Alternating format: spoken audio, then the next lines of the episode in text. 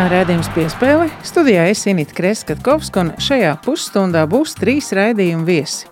Kaspars Ciprus, Izglītības un zinātnes ministrijas sporta departamenta eksperts, joprojām aktīvs basketbolā.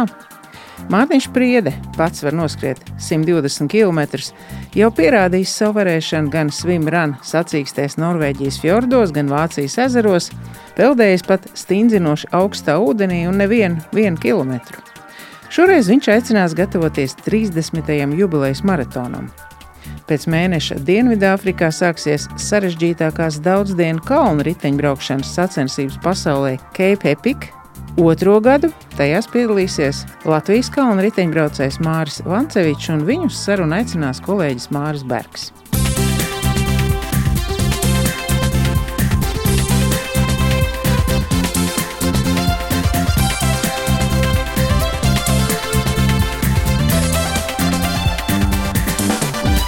Kaspars Ciprus pirms 37 gadiem dzimis Rēzeknē, 208 cm garais basketbolists, spēlējis visu vecumu Latvijas jaunatnes izlasēs. Eiropas U-18 čempionātā jau bijis viens no izlases līderiem, turnīrā labākais cīnītājs par atlikušajām bumbām. Nacionālajā valsts vienībā Ciprus debitēja pirms 20 gadiem. 2007. gada Eiropas čempionāta kvalifikācijas turnīrā bija izlases pamatcentrs un kļuva par vienu no komandas līderiem. Pirmā profesionālā komandā SK brocē LMT, bet karjeras turpinājums Itālijā, Slovenijā, Polijā, Spānijā, Čehijā, pat apvienotajos Arābu Emirātos, Igaunijā, Lietuvā un Ukrainā. Profesionālo karjeru Ciprus noslēdza pirms sešiem gadiem, bet joprojām ir aktīvs basketbolā. Latvijas basketbola otrās līgas divīzijā viņš spēlē Jēkabils Lūšas sastāvā. Bijis Latvijas jaunatnes basketbola līgas direktors, tagad strādā Izglītības un zinātnes ministrijā, sporta departamentā par ekspertu, un pēdējā laikā uzmanību sev pievērsa nesenās LBS vēlēšanu sakarā, jo arī viņš bija viens no trim prezidenta amata kandidātiem. Dienu iepriekš gan atsaucot kandidatūru, lai atbalstītāju balsi sadotu vēlāk par prezidentu ievēlētajam Raimondam Vējonim. Sveiks, Kaspar! Labdien! Mūsu saruna būs par basketbolu, jo gan gaidot lielās izlases spēles, gan arī droši vien, ka visa pasaule jūta līdzi, un cik zināms, līdz 24. februārim arī mēs turpinam sērot par Brāntu šo traģēdiju. Un, arī Basketbola savienības vēlēšanas, viss ir pagājis. Tagad ir arī loka vēlēšanas gaidāmas martā. Jautājums tev, kā ilgadējam izlases spēlētājam, arī bijušajam Latvijas jaunatnes līgas direktoram. Tu spēlē centra pozīcijā. Tas līmenis, laikam, tagad kāds ir, ir, ir milzīgi audzis un kāpis, vai ne? Nu, noteikti. Es domāju, ka basketbols pēdējos 20 gados ir globāli pasaulē ļoti, ļoti attīstījies. Tā spēle noteikti ir kļuvusi savādāka. Nu, ja mums ir šobrīd spēlētāji NBA, ja mums šobrīd spēlētāji būs arī zvaigžņu spēlē. Nu, es domāju, NBA zvaigžņu spēlē mums ir vadošie spēlētāji Eirolandes komandās. Nu, es domāju, noteikti, ka mēs ejam uz priekšu, jo jāsaprot, ka nu, tik mazā valstī, tik maziem resursiem mēs nekad nebūsim visur labi, ka mums būs zvaigznes, ideāls vietējais čempionāts un tā tālāk. Un tā tālāk. Nu, tomēr jāsaprot, ka mums arī būs ka, uh, kritumi. Protams, gribētos, lai tie kritumi būtu mazāk sāpīgi, un uz to es domāju, arī jātiecās. Jo, nu, ja mēs darām daudz, tad jāsaprot, ka tās kļūdas arī būs daudz. Vienkārši kā gribētos, lai tās būtu ne tik sāpīgas. Tu laikam esi no tiem, kas nevar tā krasi nogriezt basketbolam. Tu turpini spēlēt arī Latvijas basketbola līgas otrajā divīzijā, Jēkabils. Lūši jums arī ir lūši, ja? tāpat kā volejbolistiem. Tur laikam viss ir lūši. Jā. Visi ir lūši, visi grib parādīt nadziņus. Kā ir skats eh, reizē no eh, spēlētāja laukuma? uz eh, tām norisēm, kas ir Latvijā. Un tev ir arī iespēja skatīties no Izglītības un zinātnes ministrijas, eh, sporta departamenta eksperta viedokļa. Tur arī ir daudz jautājumu jārisina. Un parasti jau mēdz teikt tā, ka tie, kas tikai sēž kantorī, eh, ir tālu no dzīves, bet nu, uz tevi it kā to nevar attiecināt. Pašreizēji mans darbs tur vairāk ir saistīts ar jaunatni, un līdz ar to tieši spēlējot lūšos, mēs jau tādu vairāk esam pieredzējuša veterāna, amatieru komanda. Nu, tur grūti tās vilktās paralēlas, bet kas man palīdz noteikti, ka tu pēc smagas darba nedēļas tu vari vienkārši aizbraukt un uh, pietiekami augstā līmenī joprojām uzspēlēt, un tas, protams, rada gandarījumu. Tu piedalījies arī Basketbola savienības vēlēšanās. Tev bija tāda stratēģija, droši vien, ka joprojām arī ir. Ko vajadzētu mainīt basketbola sabiedrībā? Vajadzētu nostabilizēt to vidējo slāni, lai mums nebūtu profesionāla līmenī tik asi kritieni, ka mums noņem nost 5, 6, 7 vadošos spēlētājus, un tad mēs apmēram bez mazām krītam panikā, un ko mums tagad darīt. Es domāju, mums pie tā ir ļoti cītīgi jāstrādā, jāstrādā ar jaunatni, jāsaprot, ka ne visos Eiropas čempionātos mums būs zvaigznes kā piemēram Kuruts, kurš daļēji vienatnē var izvilkt, vai, vai žagars, ka būs arī varbūt ne tik gadi, kad nav tādas zvaigznes. Līdz ar to mums ir jāstrādā ar mūsējo vidējo spēlētāju, viņu līmenis ir jāpaukstina un tad jāspēlē kā komanda. Un es domāju, tas ir galvenā problēma, uz ko mums jātiecās. Mums vajag izlīdzināt vidējo līmeni. Protams, ka neaizmirstot, ka mums tā zvaigznes tomēr arī jāmeklē, jātīsta, lai tas arī nepazūd. Nu, protams, ka no Latvijas līdz NBA pat taisno, ja nemaldos, tikai Andris Biedriņš aizlicis. Tā ir tomēr kaut kāda trepe, kas ir jāiet. Nu, tas ir jāsaprot, ka, ja, piemēram, es sāku spēlēt uh, Reiznes sporta skolā, nu, es nevaru visu dzīvi tur, ja es gribu attīstīties, es nevaru visu dzīvi tur spēlēt, tad man kaut kur jāiet uz priekšu un jāattīstās. Bet es negribu piekrist, ka mums ir viss gājis tikai caur Spāniju, Itāliju. Tomēr ir ļoti daudz piemēru, kā tas pats Tīma, kad viņš tiešām bija nobriedis vai strēlnieks, kad bija nobrieduši Latvijā, un tad viņi devās kaut kur tālāk. Tā kā piemēri ir dažādi, un kur ir tas pareizākais ceļš. Nu, Tur tas to, tomēr būs vairāk vecāku aģentu un pašu spēlētāju izvēlē. Um, mums šobrīd šķiet Latvijā gaidāmas liels pārmaiņas. Arī Olimpiskajai komitejai būs jauns prezidents. Šķiet, ka nākotnē varētu atkal šīs funkcijas būt atgriezeniskais princips, uh, sabiedriskā organizācija mazāk, uh, izglītības ministrijai lielāks cilvēkiem ir arī bažas, ka nākamajā gadā tiešām tas sporta budžets būs samazināts. Un... Tas nebūs īsti mans kompetences jautājums, bet uh, globāli piekrītu, ka mums vajadzētu tomēr, ja mēs gribam kaut kur būt labi, mums ir tomēr jākoncentrējas kaut kādām lietām. Nevaram mēs visu kaut kur mēģināt šaut uz visām pusēm, bet cik es saprotu un zinu, šobrīd pie tā notiek aktīvs darbs, un es ceru, ka tuvākā nākotnē kaut kas vairāk uz prioritāriem sporta veidiem izkristalizēsies. Nu, ja, piemēram, mums nosacīta ir Sigūdas trasa, noteikti viņa mums arī ir jāizmanto.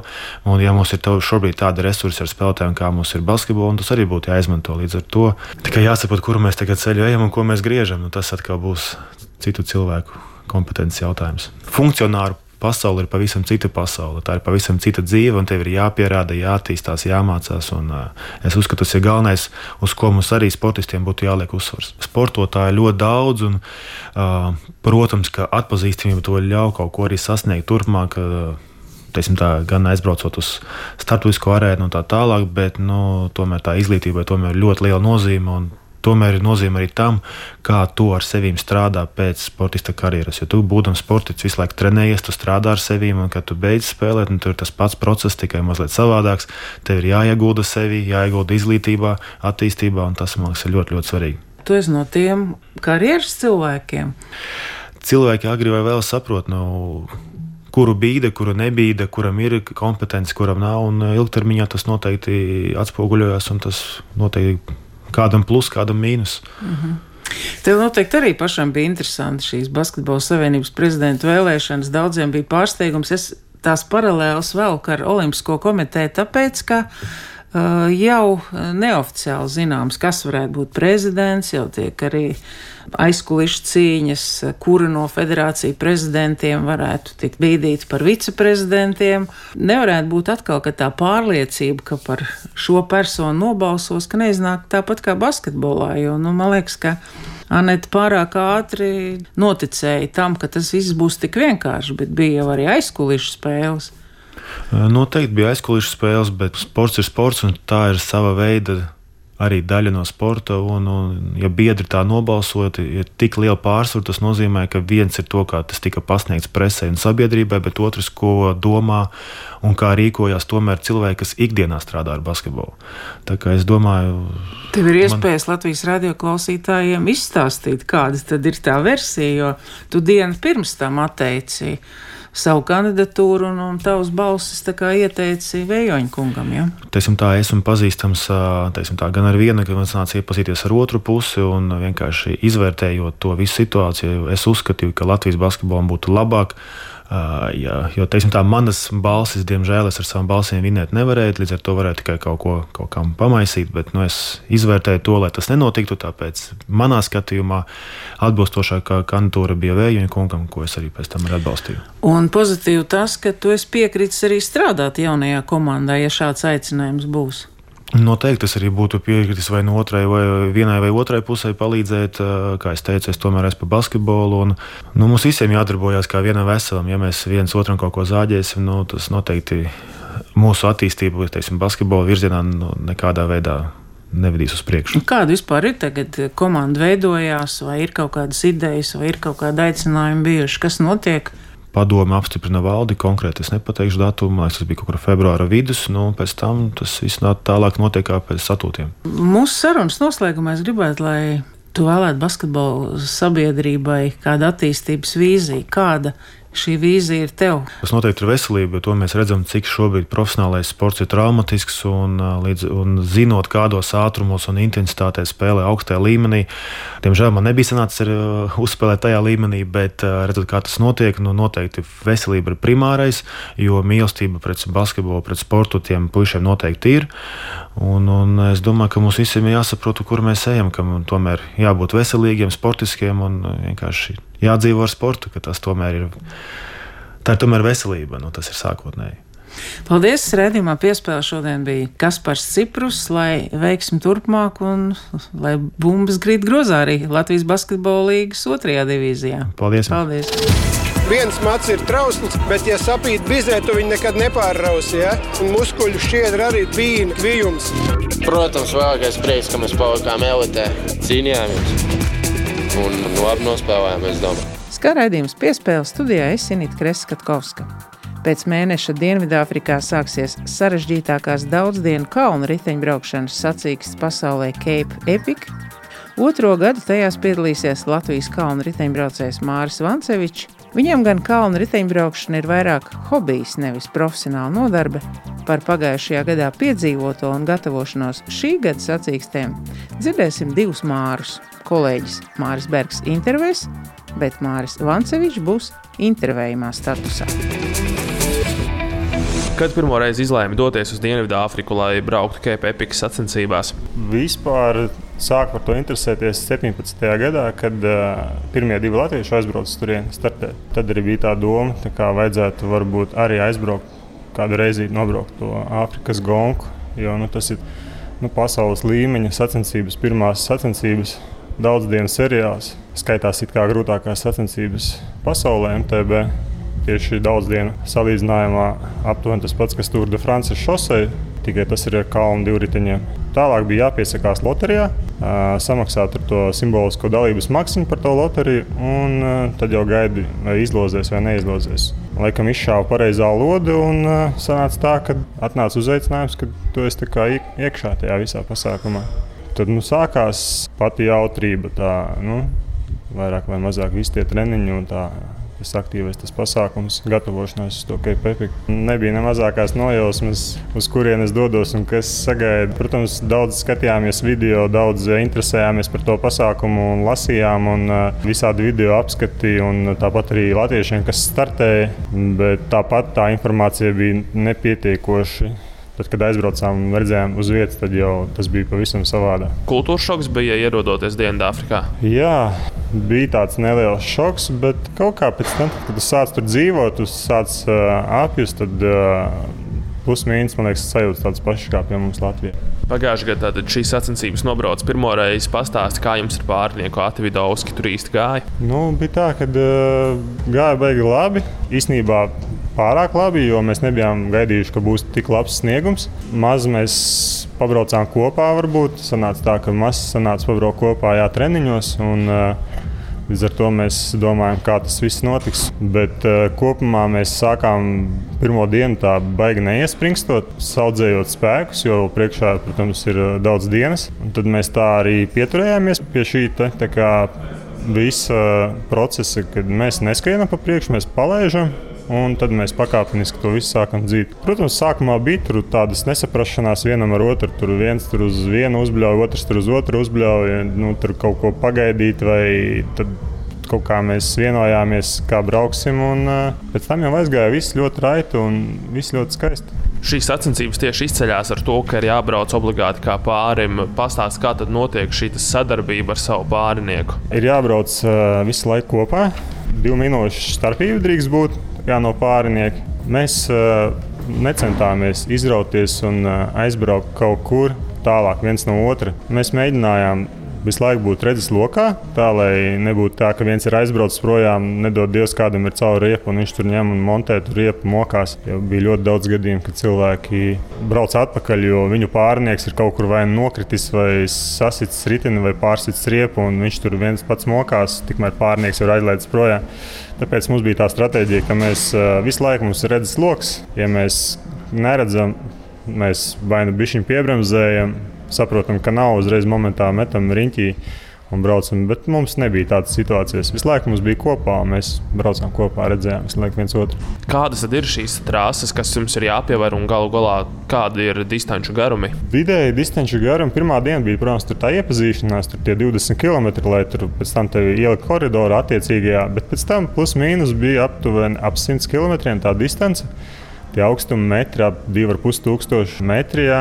Protams, akmeņi, asi, asi, asi akmeņi, ļoti tādi stāvi uzbraucieni, gari uzbraucieni un stāvi uzbraucieni. Lieli akmeņi, liels vējš, liels sāna vējš, krūmi, kas durās cauri īstenībā caur riep, riepām. Mums uh, baigi palaimējās, varētu tā teikt. Mēs nedabūjām nevienu caur riepu. Mēs nobraucām visu ļoti veiksmīgi. Tehnika mūs nepievīla. Protams, mēs arī tehniku pēc katrām sacensībām vai nu paši kopām un tīrījām un mazgājām, vai arī devām. Ja kaut kādas šaubas māca, tad mēs devām mehāniķiem, lai viņi iziet cauri un apskatās, vai tehnika viss ir ok. Bet uh, kopumā jā, mums viss mums veiksmi stāvēja klāt, un mums bija viss ļoti skaisti. Kas tavuprāt ir tas vissarežģītākais un izaicinošākais šajā braucienā? Varbūt kāpumi nebija tas pats lielākais izaicinājums. Lielākais izaicinājums bija braukšana lejā. Ilgi nobraucieni, tad uh, rokas tik traki piedzinās, kad uh, brīžiem vairs pat uh, tāds sajūta, ka tu spied bremzes un tu nevari nospiest bremzes, jo tev rokas reāli pirksti ir tā piedzīti. Spied bremzes, bet saproti, ka tev pirksts nestrādā. Vai arī tu spied bremzes, un tu saproti, ka tev ritenis tāpat ripo uz priekšu, jo bremzes ir pārkarsuši. Tie nobraucieni, tur, protams, čaļi brauc ar tiem downhill riteņiem, saucamiem, lejā. Mēs tur braucām ar mountiņiem. Bet arī piesardzīgi, piesardzīgi un ripinājām lejā. Bet bija arī, protams, krešs. Krešs arī bija un nokritām. Braucām pa taisnu vietu lejā. Visu laiku iet taisnais, taisnais. Tur es ieskrējies uz 60, 70 km/h un uh, saprotu, to, ka priekšā ir līkums un tev ir tūlīt jāgriežas. Tas spied bremzes un bremžu nav. Tad nāca tā, ka viens uz otru uzkritām, paskatījāmies, sapratām, ka viss ir ok, tehnika kārtībā. Protams, nobrāzumi bija, bet braucām uz priekšu. Šogad sanāca vairāk, tā kā tam visam piesaistīties klāt treniņu tieši treniņu plānam. Mums tagad ir lieliska zāle Ikšķelē, nav jābrauc uz Rīgu. To visu var izdarīt šeit. Treniņu plāns turpinās, un vēl ir laiks sagatavoties. Mums sezona beidzās kaut kur septembrī.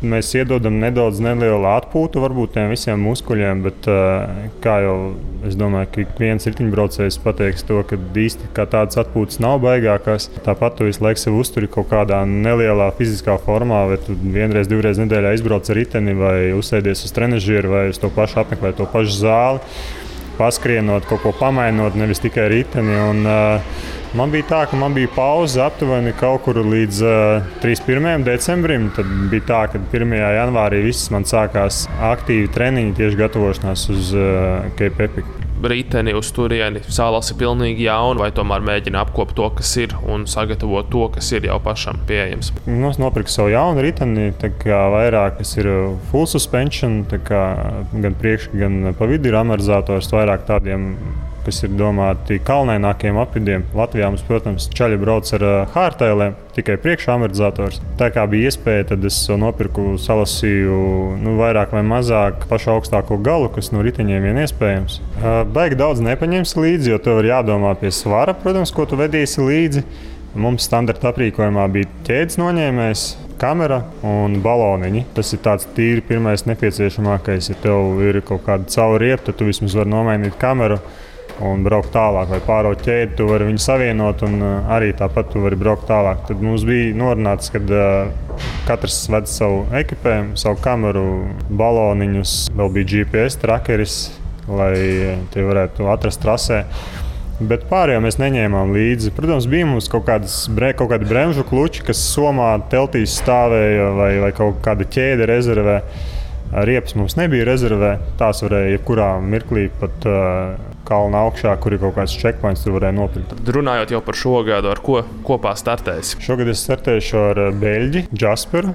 Viņš ir vairāk vai mazāk tas, tas ģenerālsponsors, kas mums būs no viņa puses. Es braukšu ar Beļģu braucējiem. Šī otrā un pēdējā reize, vai tomēr tas izraisa tādu savu veidu atkarību, ka gribas vēl un vēl un vēl? Ziniet, kā pagājušajā gadā es teicu, nu, kad es izbraucu to gongu, tad es teicu, nē, nu, visas vienreiz izbraucu, ir ļoti daudz gongas visādas, kuras es vēl gribētu izbraukt. Tad nolikšu tikai pepika maliņā. Man tur viss skanēja viens piedāvājums. Es teicu, nē, nē, nē, nē es nebraukšu. Es gribu bišķiņ vairāk veltīt to laiku ģimenei. Un, uh, un sievai, un uh, vispār brīvajam laikam, jo tas daudz laika patērē. Reāli tā, ka astoņas, dienas nedēļā tu trenējies. Ja? Tad vienreiz Jaspers man uzrakstīja, tad otrreiz viņš man uzrakstīja, vai tā nevēlies braukt. Un es teicu, ka nē, nē, nē. Un tad viņš man uzrakstīja, viss tev nav variantu, čau, tu brauks ar maniem kopā uh, Cape Epic. Un te es tādu es tā domāju, nu, jāiet, laikam jāpaziņo tas sievai. Aizgāju pateikt sievai, un sieva teica, nu, protams, nu, brauc, atbalstīs, palīdzēs. Un, uh, Galvenais jau ir atbalsts. Viņš bija tāds motivators, ka es arī gribu būt tur, kur ir viņš un darīt to, ko viņš dara. Visiem spēlētājiem mēs ticam, gaidām, un, un vēl nekas nav beidzies. Vismaz viena spēle mums noteikti. Jā. 15 nedēļas līdz Rīgas maratonam, kas šogad svinēs 30. gadsimtu. Jau no pagājušās svētdienas ik viens skrejējs un aktīvās atpūtas cienītājs ir aicināts pievienoties Rīgā Rīgas maratona pavasara treniņu programmai. Šogad tradicionālajie pavasara meža parka koptreniņi atraduši jaunu māju vietu, un katru svētdienu notiek maratona sezonas notikuma centrā, Tirzniecības centrā Alfa. Latvijas vadošie garo distanču skrejēji jau atklāja savas ambīcijas pavasarim, bet nākamā skriešanas skola 29. februārī. Uz to aicina arī viens no maratona rīkotāju komandas Mārtiņš Priede, Viņš pats var peldēt un skriet Norvēģijas fjordos, un saruna ar Mārtiņu Priedu piespēles noslēgumā. Nu, var teikt, plus mīnus 15 nedēļas līdz Rīgas Rīgas maratonam, un Latvijas vadošie garo distanču skrējēji atklāja savas ambīcijas pavasarim. Viens no tiem, kas noteikti gan pats grib atklāt, gan arī aicināt citus pievienoties, atklāt, mums ir piespēles viesis Mārtiņš Priedla. Labdien, Mārtiņ! Sveicināti! Es lasot, arī konstatēju, ka ir tāds, varētu teikt, pat jubilejas maratons gaidāms. Ir tā? Jā, tā tiesa. Mums šogad aprit 30 gadu jubileja. Gaidām skrējas kuplā skaitā ierasties uz lielo dzimšanas dienas balīti svinībām. Mēs tā kā gribam jau um, aicināt, nu, ziema ir tāda, kāda ir. Var teikt, ka pavasars turpinās, jā. jā, jā. Bet 29. februāris Tirzniecības centrs Alfa, Kino, Cinema un Kosmosa zālē reģistrācija skolai tiks atklāta jau tuvāko nedēļu laikā. Jūs esat radoši cilvēki komandā un alaži cenšaties ar kaut kādiem jauninājumiem. Vai Jā. tie ir tā kā arī šajā gadā, vai jūs turpinat iesākt to? Uh, nu, noteikti mēs katru gadu cenšamies atrast arvien jaunas čautnes un, un, un pārsteigt cilvēkus un radīt svētkus pilsētā, lai piešķirtu katram gadam kādu zināmu īpašu nozīmi un zīmi. Šogad, jā, tātad 30 gadi ir, ir, ir tāds tā kā, liels motīvs, kas mums ir, ar ko mēs ļoti lepojamies. Mēs esam otro gadu arī zem Vieglatlētikas federācijas zelta zīmes, ko mēs arī vēl sakam un rādam un, un aicinam cilvēkus, kas ir pamanīti un lepoties. Un, protams, ka mums ir daudz dažādu jaunumu. Šobrīd mēs esam vēl tādā treniņu sagatavošanās posmā, gan organizatori, gan skrējēji, un tāda lielāka maratona jaunuma vēl sekos. Bet katrā ziņā aicinām visus uz treniņiem jau šobrīd. Tik, tikko aizvadījām pirmo skriešanas skolu, kurā Latvijas vadošie garo distanču skrejēji padalījās ar saviem mērķiem un ko viņi ir apņēmušies, un padalījās arī ar saviem trenēšanās un treniņu metodēm un kā viņi dodas uz priekšu. Un Jeļena Prokopčuka padalījās ar padomiem, kas ir bijuši viņas principi un dažādi likumi un, un, un ko viņi gribētu redzēt citu skrējēju no savos sagatavošanās procesos. Un tāpatās, jā, arī organizatori, galvenie Latvijas latviešu skriešanas pasākumu organizatori padalījās ar savām aizkulisēm. Un 29. februārī mēs ejam iekšā otrajā skriešanas skolā, kas būs vairāk orientēta uz praktiskiem padomiem par to, kādā veidā labāk sagatavoties, ko ēst, ko darīt, ko nedarīt, dažādas treniņu metodes un, un iedot jau kādus konkrētus padomus, lai, lai cilvēks var uzreiz aiziet mājās ar zināšanām, pierakstīt pilnu blociņu un, un, un, un likt lietā lietas. Tā kā tas, un tad jā, šobrīd ir simts dienas līdz Rīgas maratonam, un pēdējais laiks gatavoties. Tieši tā ir tā mūsu filozofija. Aicinām cilvēkus uz treniņiem, lai dotu šos saskars punktus gan ar līdzskrējējiem un, un pieredzējušiem treneriem. Vakardien mēs skrējām kopā ar Dinu Vecānu, kurš ir apskrējis apkārt visai Latvijai. Ja, un, un tad, nu, protams, viņam ir bagāta pieredze, ja, kā sagatavoties kaut kam tādam, ja, un, un tas vispār ir daudziem prātam neaptverami arī man joprojām, ja, ka viņš to ir izdarījis. Un aicinām visus vienkārši būt nākt kopā un vienam no otra smelties gan iedvesmu, gan zināšanas. Ar šo sezonu mūsu draugi no Alfas šogad mēs organizējam pie viņiem. Tad sezonas, maratona sezonas notikuma centrs ir Tirzniecības centrs Alfa, kurā mēs organizējam dažādus pasākumus. No šīs tikko aizvadītās svētdienas mēs esam pārcēluši mūsu ikgadējos meža parku treniņus tieši pie viņiem, kas ir, man liekas, ļoti labi, jo cilvēkiem ir iespēja vēl kādas citas lietas nokārtot, ieskriet veikalā, paķert, ko nu vajag, vai, un, un, un mēs apgūstam vēl citus skriešanas teritoriju, kas ir vairāk biķernieku gals un, un, un tas mežs. Mēs pa, pa svaigu gaisu ārā un drīz arī atklāsim reģistrāciju uz otro skolu. Un tāpatās mums vēl ir vēl, atklāsim arī oficiālo Rīgas Rīgas maratona skriešanas kreklu šogad ar mūsu jauno sporta zīmolu Nike kopā. Tas būs viens no pasākumiem, kas ir gaidāms Alfā, un tās, tāpatās arī 30 gadu jubilejas vēstures izstāde, kur mēs arī atklāsim aprīlī. Un, un tad cilvēki varēs nākt un, un paskatīties, kāda ir tā 30 gadu vēsture, kas ir tie nozīmīgākie notikumi, un datumi un rezultāti, priekšmeti, kas ir veidojuši šo skriešanas vēsturi gan Latvijā, gan ārpasaulē. Jūs esat arī viens no šīs um, maratona rīkotāju komandas um, organizatoriem. Kādā virzienā jūs gribat attīstīt? Jo nu, tas, kas ir tas minimālais, ir izdarīts, esat sasnieguši zelta zīmi, gods ir, publicitāte ir, dalību valstu skaits pieauga. Arī ar daudzām ģimenēm esam intervijas ņēmuši darbu uzņēmumiem, un, var sakot, viss notiek. Kas ir tas virziens, kurā jūs vēl gribat un varat pilnveidoties? Es domāju, ka iespējas virziens ir ļoti, ļoti, ļoti plašs un daudz. Un, un tas, kur mēs šobrīd fokusējamies, ir mūsu ārvalsts dalībnieku skaits. Un mums ir vīzija līdz 2023 sasniegt 10,000 ārvalstu skrējējus. Mums vēl ir daudz ko darīt, kā saka, no organizatoriskās puses. Bet tas ir tiešām veicināt teiksim, Rīgas pilsētas un, un Rīgas maratona zīmola atpazīstamību reģionā piesaistīt ar vien vairāk garo distanču skrējējus, attīstīt maratonu turismu tieši uz, uz Rīgu un, un Latviju. Un, un tas ir tas, kur mēs šobrīd arī ļoti, ļoti aktīvi strādājam. Mums ir šobrīd ļoti labi arī nu, pirmie dati ienākuši līdz gada beigām. Mēs esam šobrīd tādā optimistiskā scenārijā un, un turpināsim uz to arī strādāt. Tas pilnīgi noteikti ir viens no virzieniem, kas mums ir prioritāte. Tik tiešām Rīga šobrīd ar, ar Gold Label šo kvalitātes zīmi ir tādā nu, maratona skriešanas sportiskajā līmenī ļoti, ļoti augsts pasākums. Un, un līdz ar to tad, tā konkurence ir sīvāka. Viņi ir tādi, kādi ir pasaulē lielajās arēnās, un, un, un nekri pat sliktāki. Kā, un jācīnās. Labi, es saku liels paldies par piedalīšanos raidījumā. Mārtiņš Priede bija viens no arī maratona rīkotājiem, pats aktīvs dalībnieks. Un, ko tik jūs neesat piedzīvojis, gan, gan augstos ūdeņos lecis, gan milzu daudz kilometru veicis. Varbūt kāds jūs novēlējums piespēles klausītājiem? saglabāt vīziju un uzticēties procesam. Tā ir tāda lieta, ko savulaik Laura Ikaunieca teica savā sociālos tīklos, un, un es atceros, man tas tā kaut kā labi aizķērās.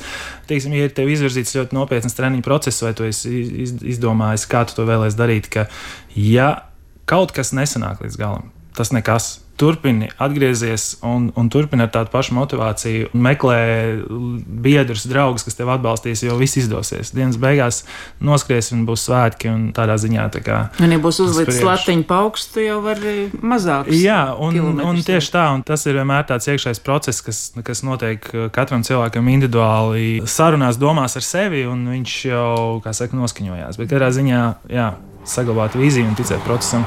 Paldies par sarunu! Paldies jums! Raidījums piespēle izskanēs Inita Kreskatkovska, Māris Bergs un skaņu operātori Nora Mitspa patvadāmies līdz citai reizei.